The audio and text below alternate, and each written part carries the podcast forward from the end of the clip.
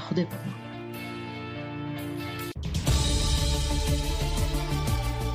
اینجا واشنگتن است. رادیو آشنا صدای امریکا. سلام و صبح بخیر. شنوندگان ارجمند امروز یک شنبه دهم ماه اپریل سال 2022 میلادی است. لیلا حبیب عزیمی هستم و در آغاز توجهتان را معطوف می داریم به مشروع خبرهای افغانستان منطقه و جهان که همکار ما رویا زمانی به توجه می رساند. با تقدیم سلام سخنگوی وزارت خارجه طالبان روز شنبه نهم اپریل گفت که سفارت افغانستان مقیم مسکو بعد دیپلمات این گروه تحویل داده شده است عبدالقهار بلخی سخنگوی وزارت خارجه طالبان در یک توییت نوشته است که روز شنبه سفارت افغانستان در مسکو بعد دیپلماتی که از امارات اسلامی افغانستان تعیین شده است تحویل داده شده است. آقای بلخی در ادامه این پیام گفته است که اداره سرپرست طالبان از این اقدام حکومت روسیه ابراز امتنان می کند. سخنگوی وزارت خارجه طالبان همچنان گفته است که صدور اعتبارنامه از سوی مسکو به دیپلمات طالبان نه تنها شرایط را برای ارائه خدمات به موقع به شهروندان افغان مقیم روسیه مساعد می کند بلکه روابط دو جانبه میان دو کشور را نیز تأمین خواهد کرد. مالیا زخاروفا سخنگوی وزارت خارجه روسیه روز چهارشنبه پس از اعطای اعتبارنامه به دیپلمات طالبان گفت که این گام مهم برای سرگیری تماسهای دیپلماتیک بین افغانستان و روسیه است. این مقام روسی همچنان افزود هنوز برای گفتگو درباره برسمیت شناختن طالبان بسیار زود است و تاکید کرد که اعطای اعتبارنامه به معنای برسمیت شناختن حکومت سرپرست طالبان نیست.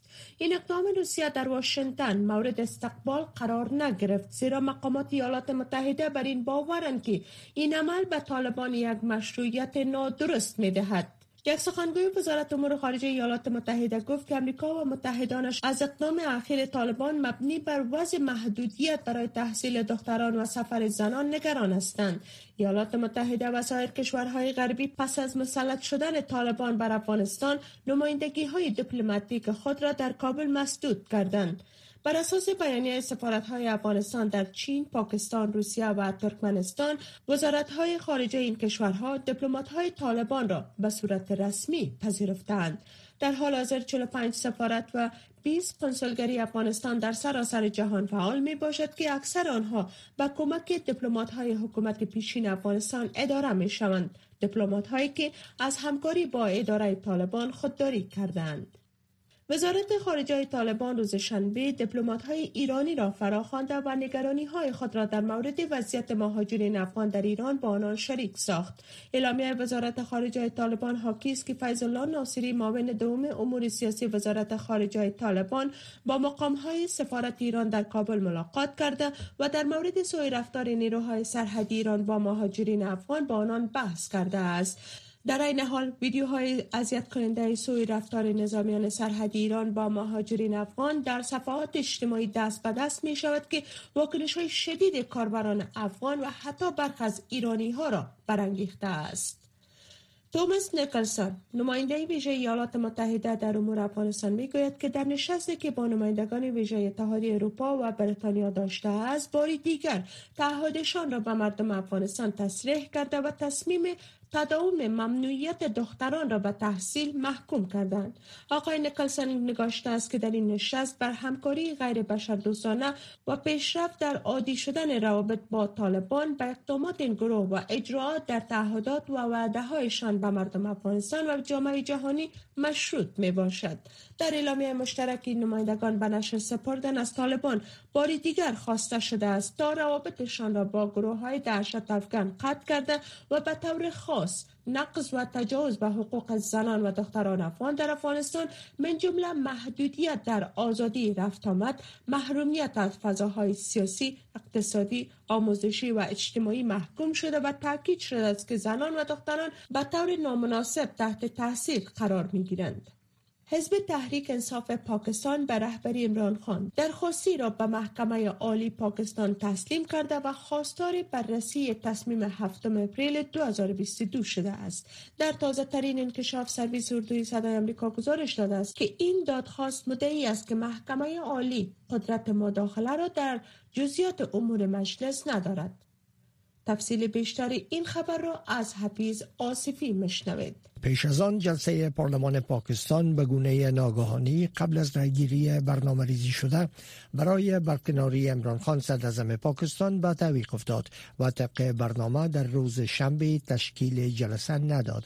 اعضای حزب تحریک انصاف پاکستان روز جمعه پیشنهاد کرده بودند که تا حد امکان رایگیری برای عدم اعتماد را به تعویق بیاندازند. امران خان صدر پاکستان در سخنرانی که روز جمعه داشت تعهد کرد که علیه هر گونه اقدام برای برکناریش مبارزه خواهد کرد. اسد قیصر رئیس پارلمان پاکستان و یکی از متحدان آقای خان گفت که جلسه ساعت 12 و سی بعد از ظهر برگزار خواهد شد. اما یک ساعت پس از آن هیچ نشانه از تشکیل مجدد مجلس به چشم نخورد.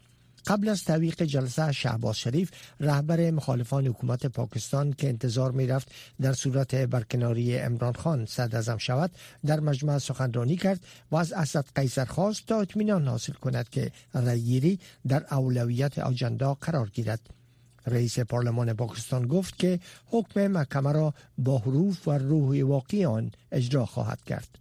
ادامه خبرها در حالی که مذاکرات احیای توافق هسته‌ای میان ایران و قدرت‌های بزرگ متوقف شده است ایران روز شنبه 9 اپریل بر 24 مقام ارشد ایالات متحده تحریم وضع کرد دونالد ترامپ رئیس جمهور پیشین ایالات متحده جورج کیسی لویدریسیس رودی جولیانی وکیل پیشین دونالد ترامپ جنرال اسکات میلر قماندان پیشین نیروهای ائتلاف در افغانستان ولبر راس وزیر تجارت پیشین و چندین تن از سفرهای پیشین ایالات متحده از جمله مقامات ارشد ایالات متحده می باشند که هدف تحریم های جدید ایران قرار گرفتند.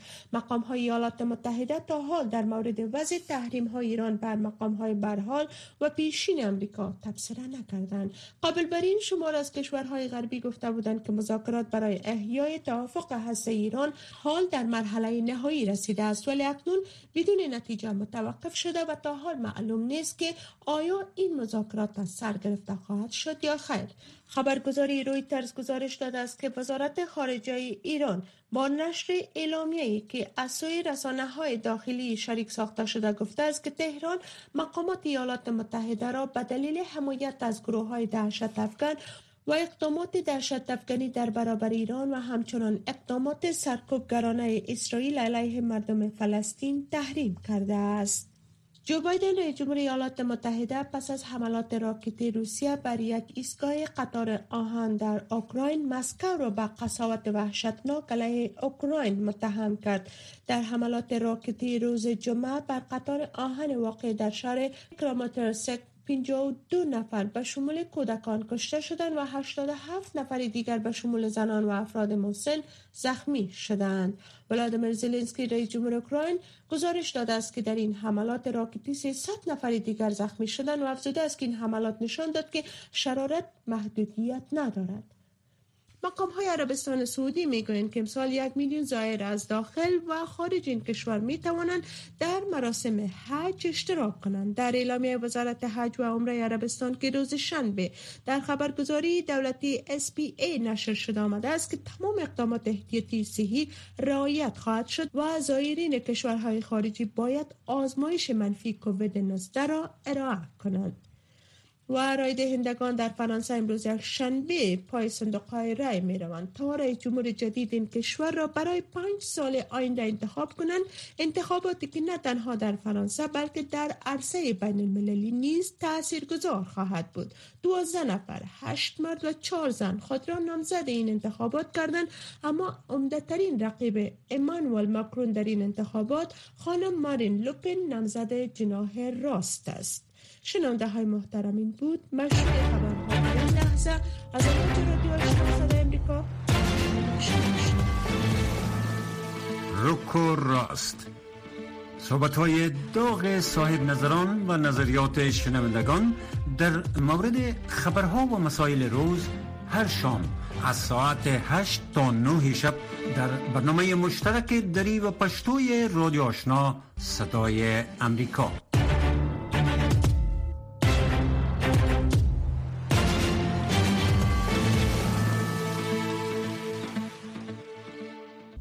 شنونده های ارجمند خبرها را از همکارم شنیدید. اکنون من لیلا ما حبیب عزیمی می پردازم به تقدیم تفصیل گزارش های این ساعت رادیو آشنا از استودیوی مرکزی صدای امریکا در واشنگتن دی سی. نخستین گزارش این ساعت.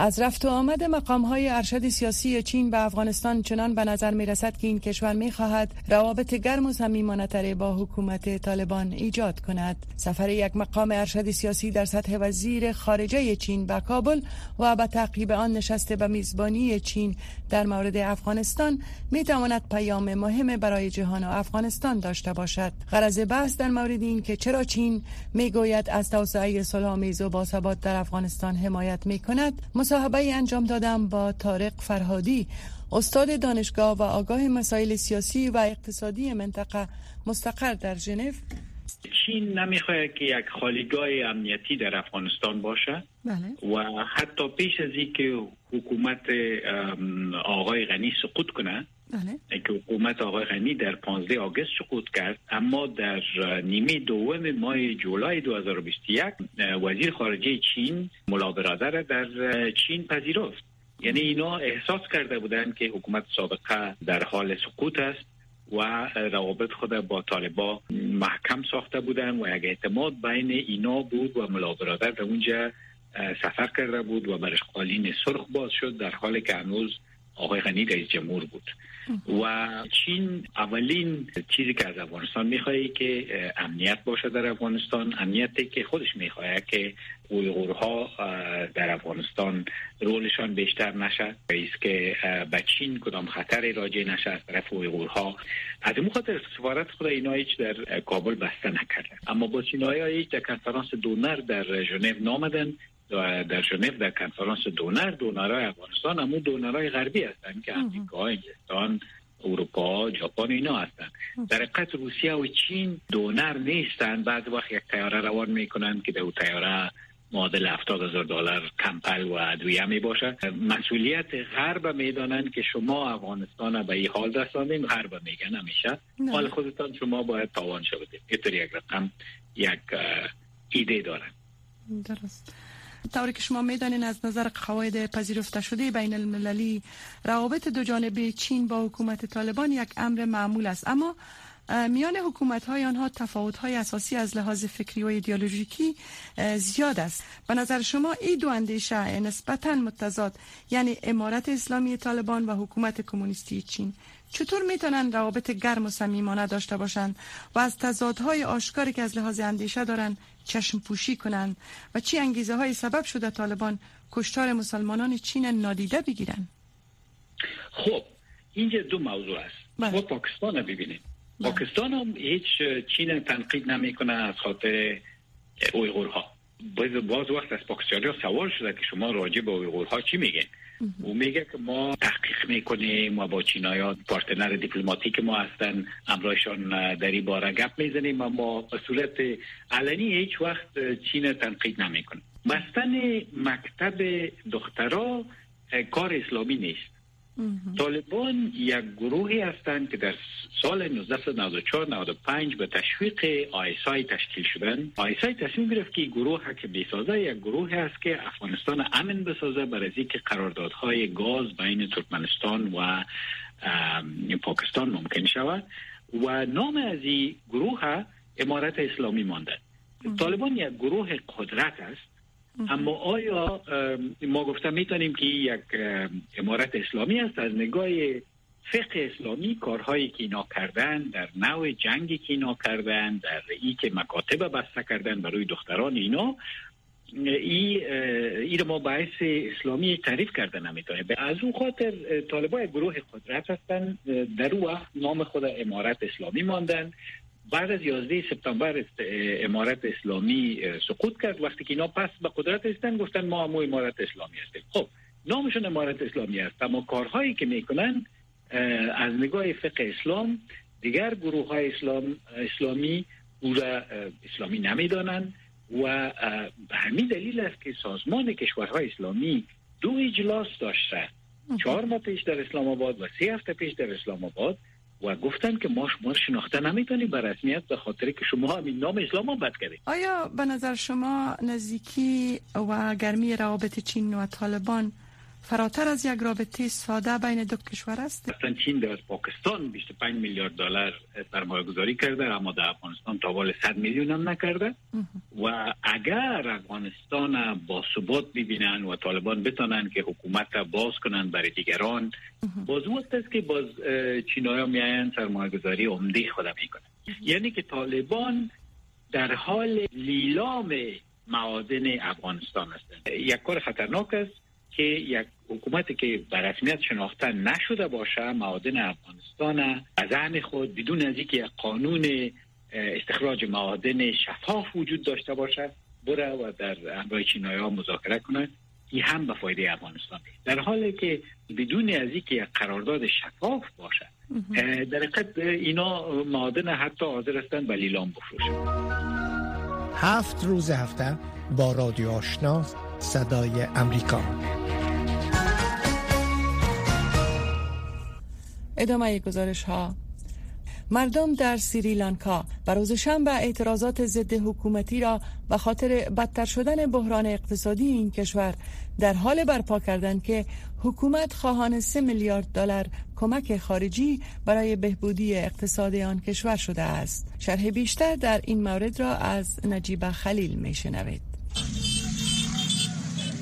صدها سریلانکایی امروز شنبه در کنار جاده ها جمع شدند تا به اعتراضاتشان علیه حکومت بر سر اقتدار به دلیل بدترین بحران اقتصادی در این کشور در دهه های اخیر ادامه دهند. معترضان با حمل بیرقها و شعارها تجمع کردند و علیه رئیس جمهور گوتابایا راجا پاکسا و اعضای خانواده او از جمله صدر اعظم ماهندا راجا پاکسا و دیگران شعار سر دادند. آنان تمام پولها را از کشور ما غارت کردند. مدت هاست می دانیم که آنان چه افراد سرکشی هستند. می خواهیم که آنان و همه نمایندگان مجلس آنان از وظایفشان کنار روند. ما آنان را برکنار خواهیم کرد. اگر آنان بیرون نیایند آنان را بیرون می اندازیم معترضان همچنین راهپیمایی را علیه تورم بیش از حد اقلام از جمله اقلام اساسی مانند غذا، سبزیجات، میوه، دوا، مواد سوخت و شیر برگزار کردند. مردم اعتراض دارند اکنون وضعیت خیلی سخت است. ما هر روز به جاده می آییم زیرا رئیس جمهور هرگز به حرف ما گوش نداده است. ما فقط به یک چیز نیاز داریم. ما می خواهیم در کشور زندگی کنیم. می خواهیم با آرامش زندگی کنیم. قیم مصارف زندگی بالا می رود من می خواهم این بار بر رئیس جمهورمان بگویم لطفا به ما گوش دهید. هفته هاست که مردم سریلانکا از کمبود مواد سوخت، انرژی، غذا و سایر اقلام رنج می‌برند. دکتران می‌گویند که امکان آن موجود است که تمام سیستم صحی کشور سقوط کند.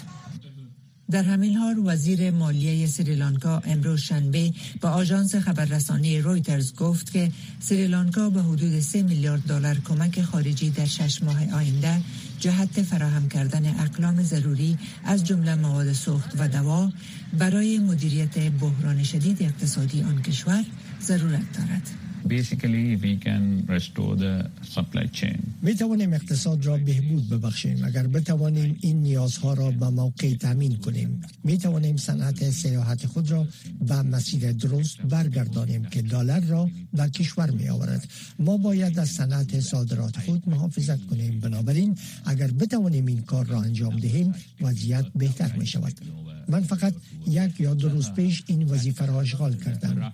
احتمالا با کمک مبلغ 3 میلیارد دلار ما بتوانیم در مدت سه تا شش ماه دیگر از بحران خارج شویم.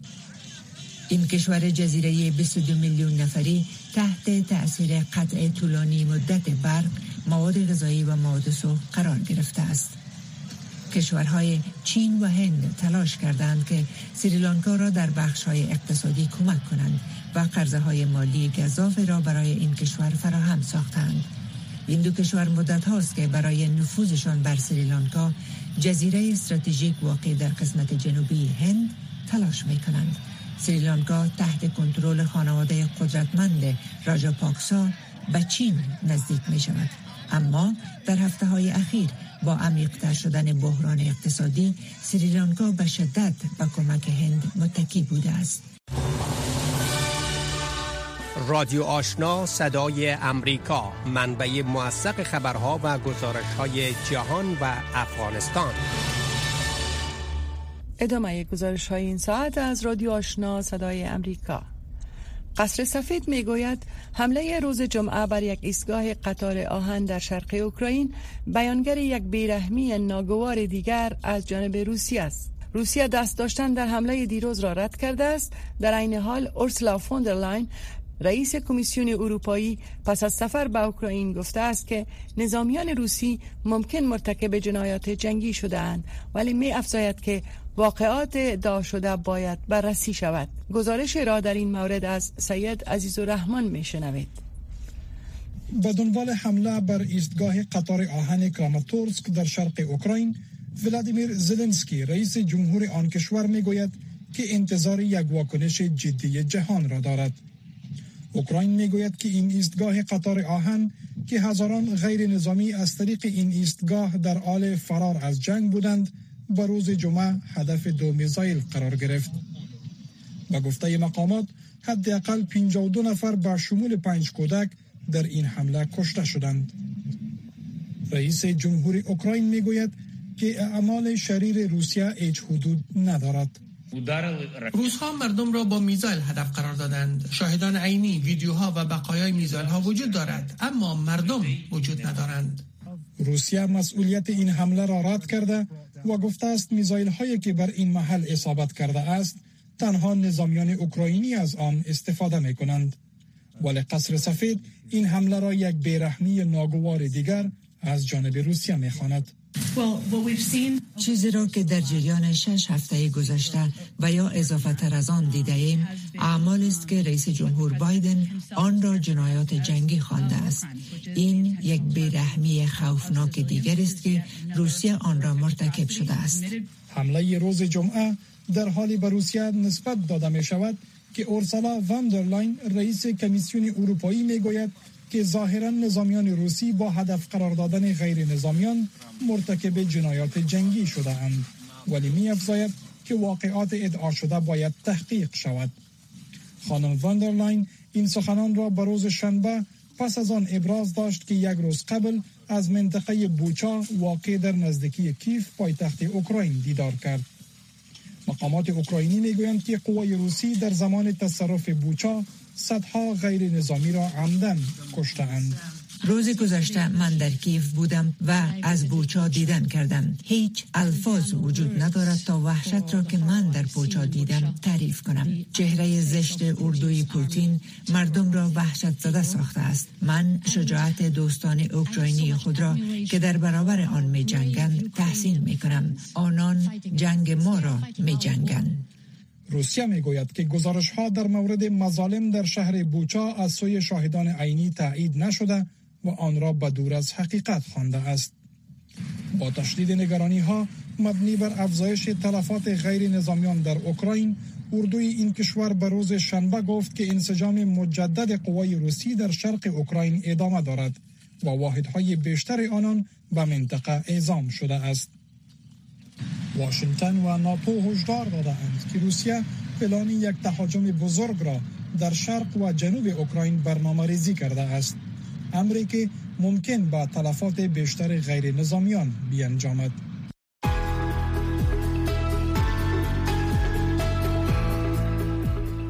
صدای شما. صدا و نظریات شما در مورد مسائل سیاسی اقتصادی فرهنگی اجتماعی و صحی از ساعت ده تا دو شب در برنامه مشترک دری و پشتوی رادیو آشنا صدای امریکا.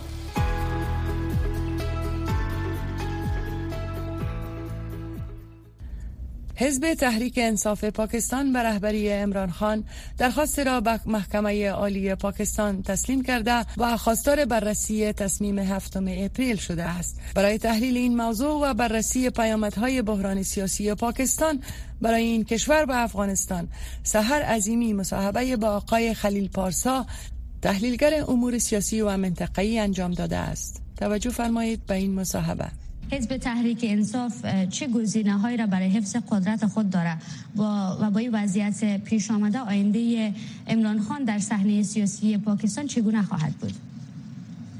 چیزی که واضح است در پاکستان همواره نظامی ها قدرت در دست داشتن قدرت اصلی در, در دست نظامی ها بوده و حکومت های سیاسی یا حکومت های ملکی بیشتر به شکل سمبولیک در, در پاکستان اونا نقش داشتن.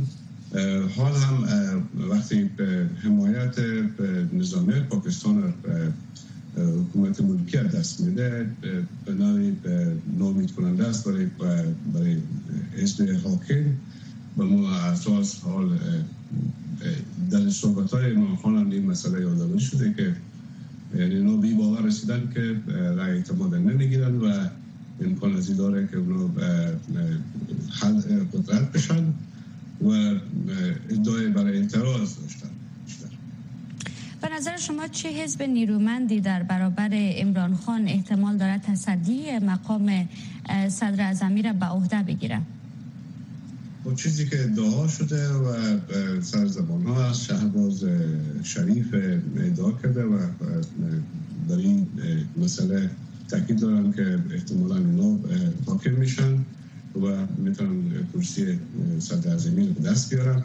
البته همونطور که در صحبت ها یادواری شد نظامی ها اینجوری نقش بسیار اساسی دارن و نوع حمایت از و هماهنگی بین از اینا بسیار مهم است که اینا بتوانن قدرت شکلی به دست بگیرن و به خاطر داریم که عمران خان هم با حمایت نظامیان به علیه قدرت نشست فکر می‌کنین آیا تنش و بحران سیاسی با برکناری امران خان و انتصاب صدر اعظم جدید در این کشور پایان خواهد یافت یا خیر؟ خب طبعا در هیچ جای کشمکش های سیاسی به پایان نمی‌رسه در پاکستان یک کشور قدرتمند است یک کشور می‌تونیم بگیم که داره قدرت هستی و نظر اقتصادی و نظر سیاسی جایگاه خاص در منطقه داره و با ثبات هست نسبتا و طبعا که کشمکش سیاسی در درون درون کشور از اونا نمی‌تونه اساسات و بنیان از اون با مشکل مواجه بسازه از اونجایی که هم قدرت در دست دارن. همچنان و پرسش آخر ما در صورت تداوم بحران ها در پاکستان فکر می‌کنین تاثیراتش در حاکمیت طالبان در افغانستان چه خواهد بود؟ به طور کلی تاثیر یعنی تفاوت چندانی وجود نمیاد پاک عمران خان هم تاثیر کننده پالیسی و سیاست های کلی پاکستان در قبال افغانستان بوده. و شاید که اگر بازی امید میره که با تغییر حکومت اگر اندازی بشه که نرمیشی در سیاست های طالبان ایجاد بشه نسبت به خواستهای جهانی در رابطه با مسئله مشارکت حکومت مشارکتی در قسمت از موضوعاتی که مشخص سنگو بشر و مشخصا گروه تروریستی که نباید حمایت بشن. این خواستهایی است که جهان داره اگر طوری که امران خان فعلا با جهان در تعامل هست و خواستهای به اصطلاح ها زیاد در نظر نمی‌گیره. من فکر می‌کنم که باید تغییرات یک اندازه تحصیل سر مسئله افغانستان خواهد گذاشت که حکومت جدید شاید بتونه یک اندازه سر طالبان فشار بیاره تا بتونه این موضوعات در نظر بگیره